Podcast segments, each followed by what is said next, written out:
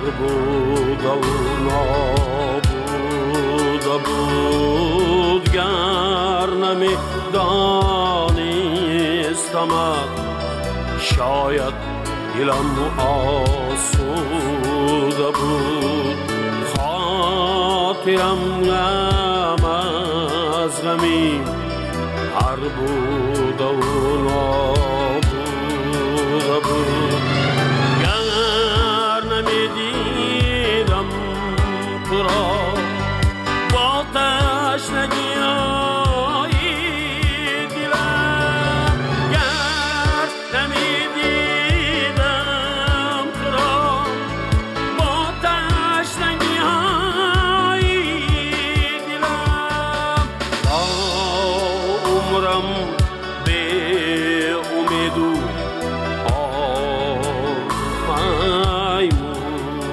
بود راه عمرم به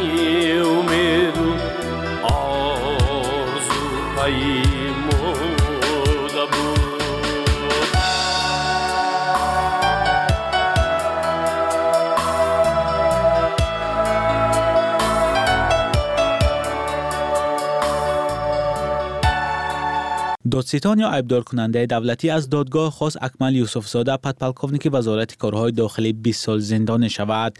یوسف زاده به ربودن و قتل اسماعیل رحمانوف آموزگار دانشگاه تجارت متهم است. وکیل دفاع این افسر به طلب دادستان راضی نیست. اخیرا دادگاه عالی برای شرکت خبرنگار رادیوی آزادی در مرافعه اکمل یوسف زاده اجازه داد و از این طریق ما جزئیات بیشتری قضیه را فهمیدیم. در این باره من مولا رجب یوسفی گزارش می‌دهم. نماینده دادستانی کل 23 فوریه در دادگاه گفت سبب سر زدن حادثه رشک اکمل یوسف زاده از مکاتبه های همسرش با آموزگار اسماعیل رحمانف است.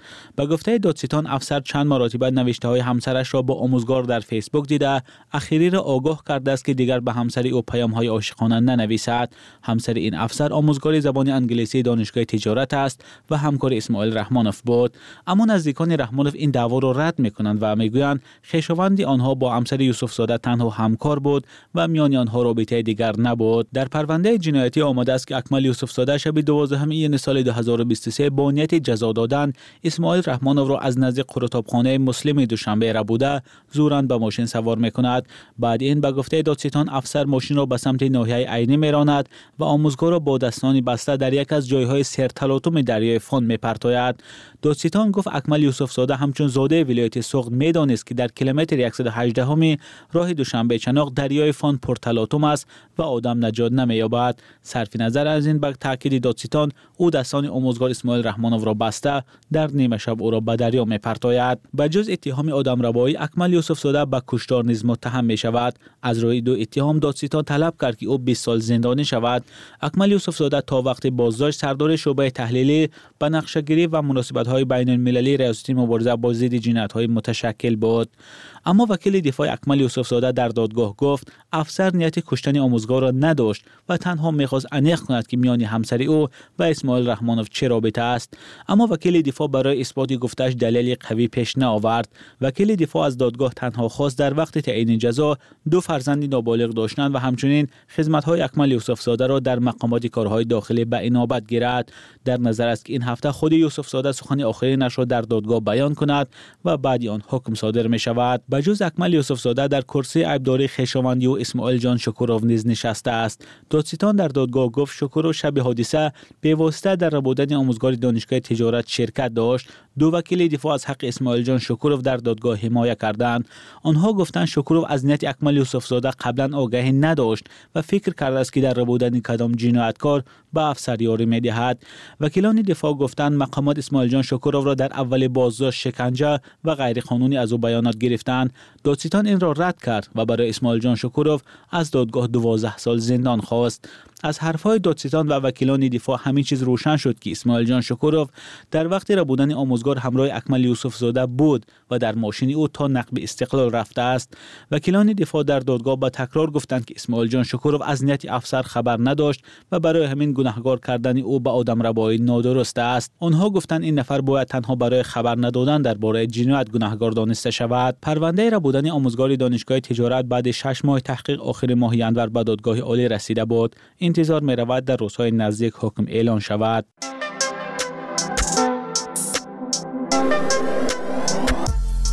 Танҳо садост ки мемонад. Ганҷи шойгон. Аз гузаштаҳо ногуфтаҳо ва ношунидаҳо. Дар подкасти салими аюбзод سلام و درود. یکی از قانونهای روزنامه‌نگاری و عموما نویسندگی می‌گوید درباره چیزی نویس که آن را خوب بدانی. من تمام عمر این قانون را در نظر داشته کار کردم حالا که درباره واقعه های خونین 11 12 13 تا 17 فوریه سال 1990 دوشنبه گفتم می‌خواهم باید بگویم که من خود شاهد این واقعه ها بودم. митингу эътирозҳоро дидам тирандозиро кушта шудани одамонро захмиёнро дар бемористони қараболо дар ҷаласаи таҳти сарвараи намояндаи москав борис пуго ширкат доштам. Шоҳиди истеъфои се раҳбари кишвар будам. Инҳо котиби якуми ҳизб қаҳор маҳкамов сарвазир иззатулло ҳаёев ва раиси маҷлис ғоимназар паллаев ҳамин истеъфо мардуми ба шӯромадаро он вақт ором кард. در زمینه کمیته 17 سازمانی که در میدان تظاهرات تأسیس شد با پیشنهاد حکومت نایب سروزیر بوری کریم رهبری آن گشت. تلاش شد که همراه با وزیر فرهنگ وزیر وقت فرهنگ نور تبروف یک نهاد موقتی اداره کشور سازمان یابد. اما در این بین کمونیستان جلسه برپا کردند. پلینوم پلینوم فوق و گفتند استعفای رهبر خود را تصدیق نمی کنند به این تصدیق چنین استعفا غیر قانونی است. بله از روی قانون این گپ درست بود ولی استعفا در حالت فوق و ضمن سازشنامه اهل میدان و حکومت به دست آمده بود که قربش از یک قاعده داخلی حزبی اگرچه این حزب خود دولت هم بود بالاتر به شمار می رفت خوب بهترش رویم به سر اصل مطلب. барномаи навбатии ман ба ҳамин воқеаҳо бахшида мешавад. Барои таҳияи он дар соли 1999 зарур омад бо вазири пешини умури дохилӣ муҳаммад аёз навҷувонов раиси кумитаи 17 ва раиси пешини кумитаи палангирии тоҷикистон бури карим вазири собиқ нур табарров раҳбари гурӯҳи тафтишотии воқеаҳо сафаралӣ кенҷаев муовини пешини раиси радио ва телевизион муҳаммадалӣ ҳаитов ки ҳоло бо ҳукми ҳабси абад дар маҳб аҳбаш аст ва собиқ афсари кумитаи давлатии амнияти миллии тоҷикистон абдулло назаров э, генерал абдулло назаров ки баъдан дар э, бадахшон ба ҳалокат расид суҳбатҳо шавад ва садои онҳоро дар ин барнома хоҳед шунид. Дар охир э, агар вақт монд боз чанд калима хоҳам гуфт. در راه هستید مهمانی یا در جای کور مهمانی یا در جای کور علاجه خواندن ندارید امکان دیدن هم. امکان دیدن هم. پادکست رادیوی آزادی را بشنوید. نقل گوشکی تنها برای شما. در وقت دلخواه و جای دلخواه. دوازدهم فوریه سال 1990 در میدان مرکزی پایتخت تاجیکستان دوشنبه شهر یک گروه از اعتراضگران گرد آمدند که یک روز پیشش با دعوای و طلبهای خود به اینجا آمده بودند و شرط گذاشته بودند که حکومتداران بعد یک شبانه روز به پرسش های ایشان پاسخ دهند. آنها طلب داشتند پاسخ را از زبان سرور جمهوری کاتب یکم کمیته مرکزی حزب کمونیست تاجیکستان قهار محکم شنوند. اما سرور به نزد آنها دیر بعد طلب و شعارهای زیاد و انگیزش یافتن خشم و غضب گرد هم آمدگان کوشش برآمدن کرد ولی این پیت کار به زوراوری ها کشید و پاسخ حامیان نظام از سلاح آتشفشان سبب کشته شدن 25 نفر گردید. تظاهر کنندگان بعد دیدن خون شریکان خود دست به زوراوری های بیشتر و شکستن و سوزاندن بناهای معموری اتومبیل ها فروشگاه ها زدند استعفای سرور را طلب کردند.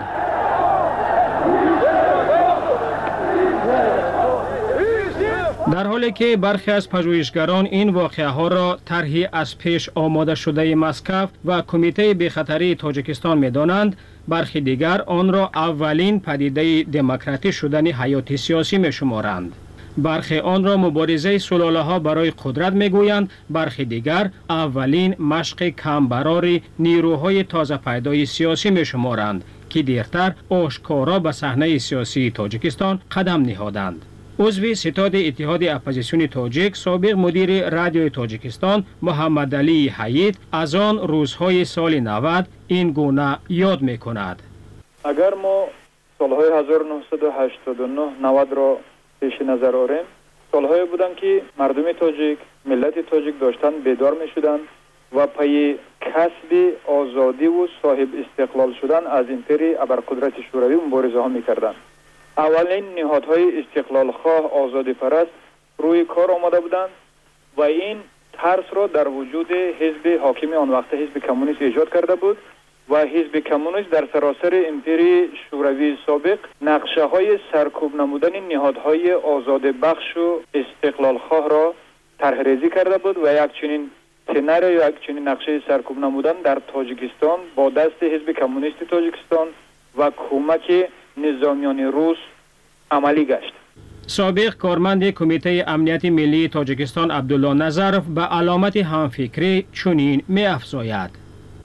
برای نگاه داشتن نظام همون دوره سیاستمداران و نظامیانی که می‌خواستند هدفهای خود را دولتداری خود را در شکل پیشتره نگاه دارند چنین واقعه های خونین و خونبار را در دیگر مناطق در دیگر جماهرهای سابق شوروی هم созмон дода буданд чуноне ки ба мо маълум аст воқеаҳои тифлис ки дар он ҷа хуни занону духтарони фарзандону ҷавонмардони миллати гурҷӣ рехта буд. Воқеаҳои январи соли нуздаҳнаҳади шаҳри боку ки дар он ҷа теъдоди зиёди мардуми озар кушта шуда буданд. Воқеаҳои моҳи июни соли нуздаҳнавад дар вилнюс ки бо дасти ҳамон афроди номбаршуда хадамотҳои махсуси номбаршуда ки созмон дода буданд. در اونجا هم همین فاجعه همین رنگ بود. فوریه سال 1990 دوشنبه. و یکی از اشتراکچیان رویدادهای مورد بحث سابق نایب سروزیر تاجیکستان بوری کریموف بهمن ماه را پدیداری نیروهای نوی سیاسی جامعه می‌داند که در راه آزادی و استقلالیت صدا بلند کرده بودند. واقعه های بهمن ماه خونین وطن ما تصادفی نبودند. البته زمینه و ریشه های عمیق داشتند و دارند. از آنها راهبران ما خیلی مکارانه استفاده کردند. این این واقعه هم اگرچه به مثل یک ولکان بود یا زمین لرزه بود حکومتداران از آن هم سود به دست آوردند. اصلا جامعه ما یک تکان شدید خود این تکان شدید نتوانست که مردم را به یک راه راست بیارد. رادیو و تلویزیون مطبوعات دستگاه همه به تهمت پردازی ها در حق سازمان های تازه بنیاد نو و افراد سالم فکری آن وقت مشغول بودند. از جمله منصب خواهان و کرسی پرستان. از جمله آنهایی که گناه داشتند و گناه را به سر دیگران بار کردنی شدند. اشتراکچی دیگری رویدادهای بهمن ماه خونین سابق وزیر فرهنگ تاجیکستان نور تبرف اصل مطلب واقعه ها را به مبارزه قدرت بستگی می دهد. از او پرسیدم آیا در این روز سالگرد فاجعه 90 به چی می اندیشد؟ شخصا من. یکم روزی نشده است که به یاد آن روزها زیسته باشم. هرچند که مثلا نه سال گذشت اما این شاید نه ساعت بود که گذشته بود. فکر من این ایام گذریش بود البته. فروپاشی شوروی و به میان آمده موضوع نو که این جامعه به کدام راه روان می رود و البته قوه های کونه ای که بودن و قوه های نوی که آمدن و می خواستن این جامعه را از نو سازمان که هم به فهمش خود اینا به میدان آمدن و برای حاکمیت مبارزه بودن. متاسفانه نه با اصول متمدن نه با اصولی که اصلا ارزنده آدمان یک جامعه خوبی پیشرفته است. ولی بوری کریموف این عقیده را که مبارزه قدرت یکی از تحریک دهنده های اساسی واقعه ها بود رد می کند. در آن دوره ایدئولوژی کمونیستی و خود کمونیستان جلوی جامعه را در دست خود داشتند و برای همه گونه عقایدی که از دید و نظر آنها دیگر است راه را بند می‌کردند اون کمیته 17 کمیته وحدت سازمان مردمی رستاخیز لالی بدخشان محفل سیاسی روبرو چند نامگوی روزنامه های نوبنیاد рафтори зидди мардумии ин роҳбарони ӯи ҳукуматро доимо танқид карда меистоданд. Вале ҳукумату ҳукуматдорон ба ин ҳама бо назари бепарвоӣ менигаристанд. Мардум як дигаргунӣ мехост. Баҳманмоҳ исбот намуд ки ҳукумати тоҷикистони он вақта ба доди мардум намерасад. Дар банмоҳ ҳукумат ба хотири пойдор доштани системаву ҳизби коммунисту курсиҳои худ хуни ноҳақ рехт он вақт бисту панҷ нафар ҳалок гардид. Аз ин сабаб ман розӣ шуда наметавонам ки این حادثه ها یعنی حادثه های بهمن محض برای کرسی منصب بودند. در حالی که خونریزی ماه فوریه سال 90 اکثر کل روشنفکران تاجیک را در بند اندیشه قرار داده بود و همچنین دادستانی پژوهش جنایی خود را پیش می برد پارلمنت نیز یک هیئت پژوهشی خود را تاسیس داد و در حالی که اول این هیئت اساسا از اعضا و طرفداران حزب کمونیست عبارت بود نیروهای نوی سیاسی طلب کردند که دو حقوق شناس نسبتاً آزاد اندش و مستقل نیست به این هیئت شامل گردند.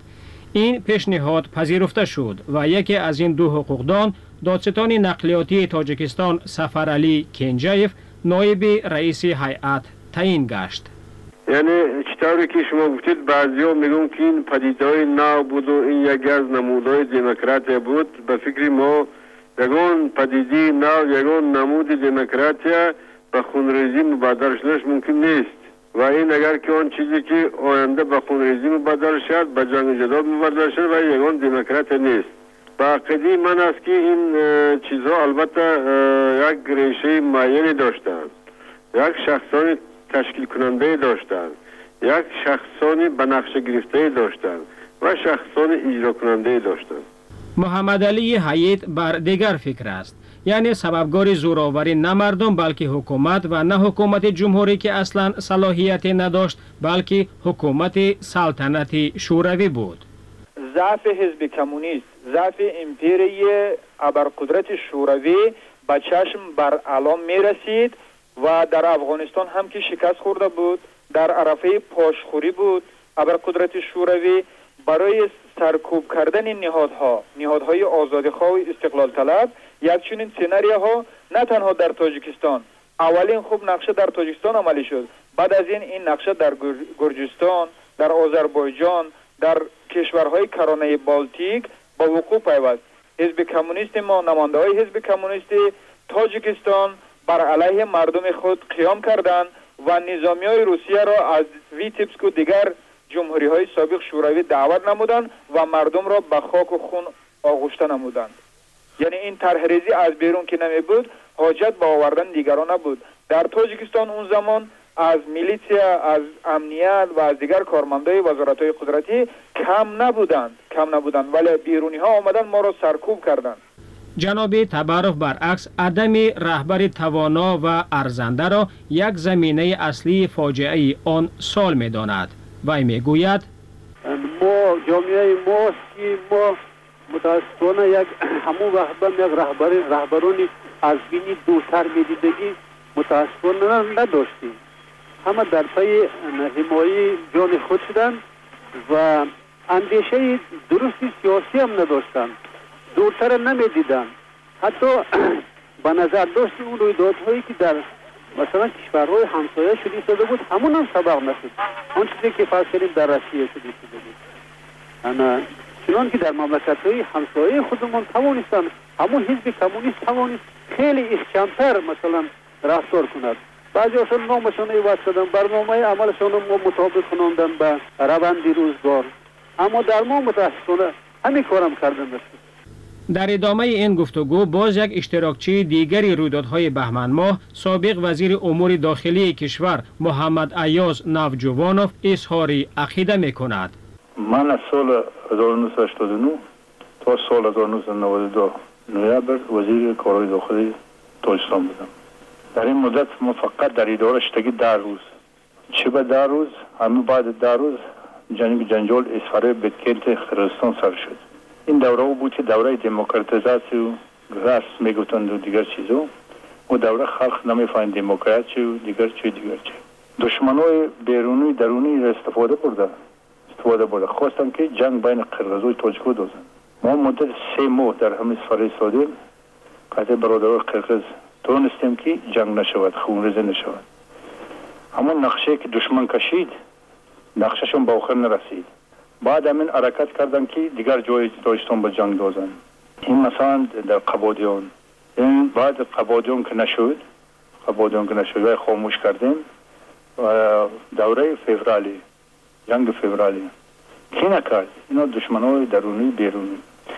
یک قسم دولت های خارجی نزدیک خواستن که تاجکستان طرف اونو گردد. دولت های خارجی دور خواستن که دولت اسلامی کنند این خلق تاجیک هر طرف احمق کردند و استفاده بردن یک قسم آدم ها درونی و خلق تاجیک جنگ دوخته. خیف دوره جنگ فevرالی هم تونستیم که خاموش کنیم تنجی کنیم امونی کنیم لیکن بعد این هم خاموش نشود اکثر تحلیلگران بر این عقیدند که با وجود افشای بعضی از اسرار بهمن ماه پژوهش واقعیت چه از لحاظ علمی و چه از لحاظ عدلیه از ابتدا به سمت برغلط روانه گشته رویدادهای بعدی نه این تحقیق را ناتمام گذاشتند و کوشش این است که باید هرچی شد فراموش کرده شود. جناب نور تبرف می‌گوید اکنون باید بگویم که عموما کوشش تحلیل اون حادثه ها در تاجیکستان یک بار دو بار شده بود کتاب هم برآمدن و بعضی اشاره ها هم هست در سبب های هم سیاسی و هم اجتماعی و دست دسته های مثلا قوه های بیرون برون مرزی هم و این چیزها هست. این چیزها هست. اما این البته این تقاضای تاریخ است ضرورت تاریخی است ما باید تاریخ خودمون آموزیم. اما این کار یک یا دو نفر نیست. این کار محقق است این کار شخص است که مثلا امکانیت کار بودن با حجت هایی که هنوز شاید پنهانند شاید نیمه ارخیف ها سوخته شدن. یادتان باشد اگر از این رو جستجو کردن راه های حل این مشکلات این کار یک دو نفر نیست. تفتیش و تحقیق واقعه ها بعد از واقعه با دست حزب کمونیست به باد فنا داده شد و تا به امروز پرده اسرار از روی واقعه های بهمن ماه سال 1990 برداشته نشده است. یکی از سوالهای اساسی در بررسی فاجعه بهمن ماه این است که آیا این رویدادها به واقعه های بعدی نه یعنی گردی همایی های دراز مدت شبانه روزی تقسیم مردم به دو میدان اولین قتل ها اکنون نه از جانب نیروی حکومت بلکه از طرف گروه های مخالف و جنگ شدید داخلی همه این ادامه منطقی رویدادهای بهمن ماه می باشند در این مورد حتی دو نفری که امکان دارد به بسیار مسئله ها طور گوناگون فکر می رانند منظورمان محمد ایاز نوجوانوف و سفر علی کنجایف هر دو هم فیورال 90 را مشق سال 92 می نامند. جناب نوجوانوف چنین می گوید وقتی که سال 92 این کسافت های کارا پیدا شدن ضد من سر کردن ضد دیگر آدم ها این مخصوص فرمان دولت های خارجی نزدیک بود. خواهی اکنون اگر راست گوییم و طرف دوره ازبکستان ترسید که این دولت اسلامی شده اسلام دولت اسلامی در ازبکستان نشود. دویم خواست که خواهی یک دوره تاجستان آیت ترکستان بوده است که این هم مدل ترکستان گیرد روسیه نخواست که گیوپولیتیک که چی خود از دست خود مستحکم کند. دولت های خارجی دور مثال افغانستان گیریم پاکستان ایران آنها همسایه ما آنها خواستن که اینا هم دولت اسلامی باشد. اینا از این طرف. بود آدم های درونی بودن که آنها از این استفاده بردن. حتی با همون درجه رسه جنگ و جنجال بین تاجیکا که تاجیکا به چی موندن؟ چیزی چوره تاجیکا بردن. زواد فابریکه نموند. خلق قشاق شد. خلق پولوت شد. ҳар қадар ки дар бораи рӯйдодҳои феврали соли навадум суҳбат кунем аён мегардад ки ифшои номбаноми созмондиҳандагони ин воқеаҳо амали ғайрииҷро ба назар мерасад. Вале абдулло назаров собиқ корманди кумитаи амнияти миллии тоҷикистон ба ин фикр розӣ нест. Дар маҷмӯъ маълум аст созмондиҳандагони он манфиатҳои киро пиёда мекарданд ба кадом мақсад созмон дода шуда буданд. Лекин ба таври ҷузъӣ айбдорон мушаххасан لیکن به نه بهای سیاسی و نه بهای حقوقی نگرفتند و البته این یکی از جهت های تاریکی همون دور مانده است اما ادامه دهیم صحبت را با سفرعلی کنجایف سابق نایب رئیس هیئت پژوهش واقعه های فیورال سابق رئیس پارلمنت و کمیته امنیت ملی از او می‌پرسم پس پرونده های جنایی که علیه بعضی از اشتراکچیان واقعه باز شده بودند به اساس بودند البته این پرونده جنایتی هم چخیل وابسته از آنه که چخیل آن تفتیش می شود و از, از طرف کی تفتیش گذرانده می شود فکر می کنم که مقامات تفتیشات همون وقت نتوانست این گره را کشاید. نتوانست شخصان زیر پردگی را روشن نماید. نتوانست آن گناهگاران حقانی را معین کند و عدالت سودی را نصیبش گرداند فکر می‌کنم که این تنها کمبودی مقامات تفتیشاتی همون وقته ما بود. گزارشی که کمیسیون شما کمیسیون تحت راهبری شما تهیه کرده بود در مطبوعات رسمی تاجیکستان آن وقت چاپ نشد بلکه در خارج از تاجیکستان چاپ شده به دست تاجیکان رسید و باعث گفتگوهای زیاد شد. اما چرا شما همچه رئیس این کمیسیون پای فشاری نکردید که کاری شروع کردهتان را به آخر رسانید یعنی این تحلیل را به آخر رسانده گناهکارا معین شوند؟ شکر. اولش که من رئیس کمیسیون نبودم من همگی معاونی رئیس کمیسیون بودم. دیگرش از اون بود که کمیسیونی ما وظیفه گذاشته شده بود که ما به جلسه مجلس عالی همون خلاصه را پیشنهاد کنیم. و باید که جلسه مجلس عالی این مسئله را حل می‌کرد. اون چیزی که به ما بود ما خلاصه را به جلسه مجلس عالی پیشنهاد کردیم و جلسه مجلس عالی دیده آن را برآمد از این بعدش باید که مجلس عالی وظیفه دار بود. یا اینکه پیشتر شورای عالی وظیفه دار بود که این مسئله رو یعنی با سپارشات کرد به آرگان های دخلدار مقامات های دخلدار که این چیز را دقیق خیلی دیده برایند. ولی آنها چنین شورای عالی چنین قرارها قبول نکرد.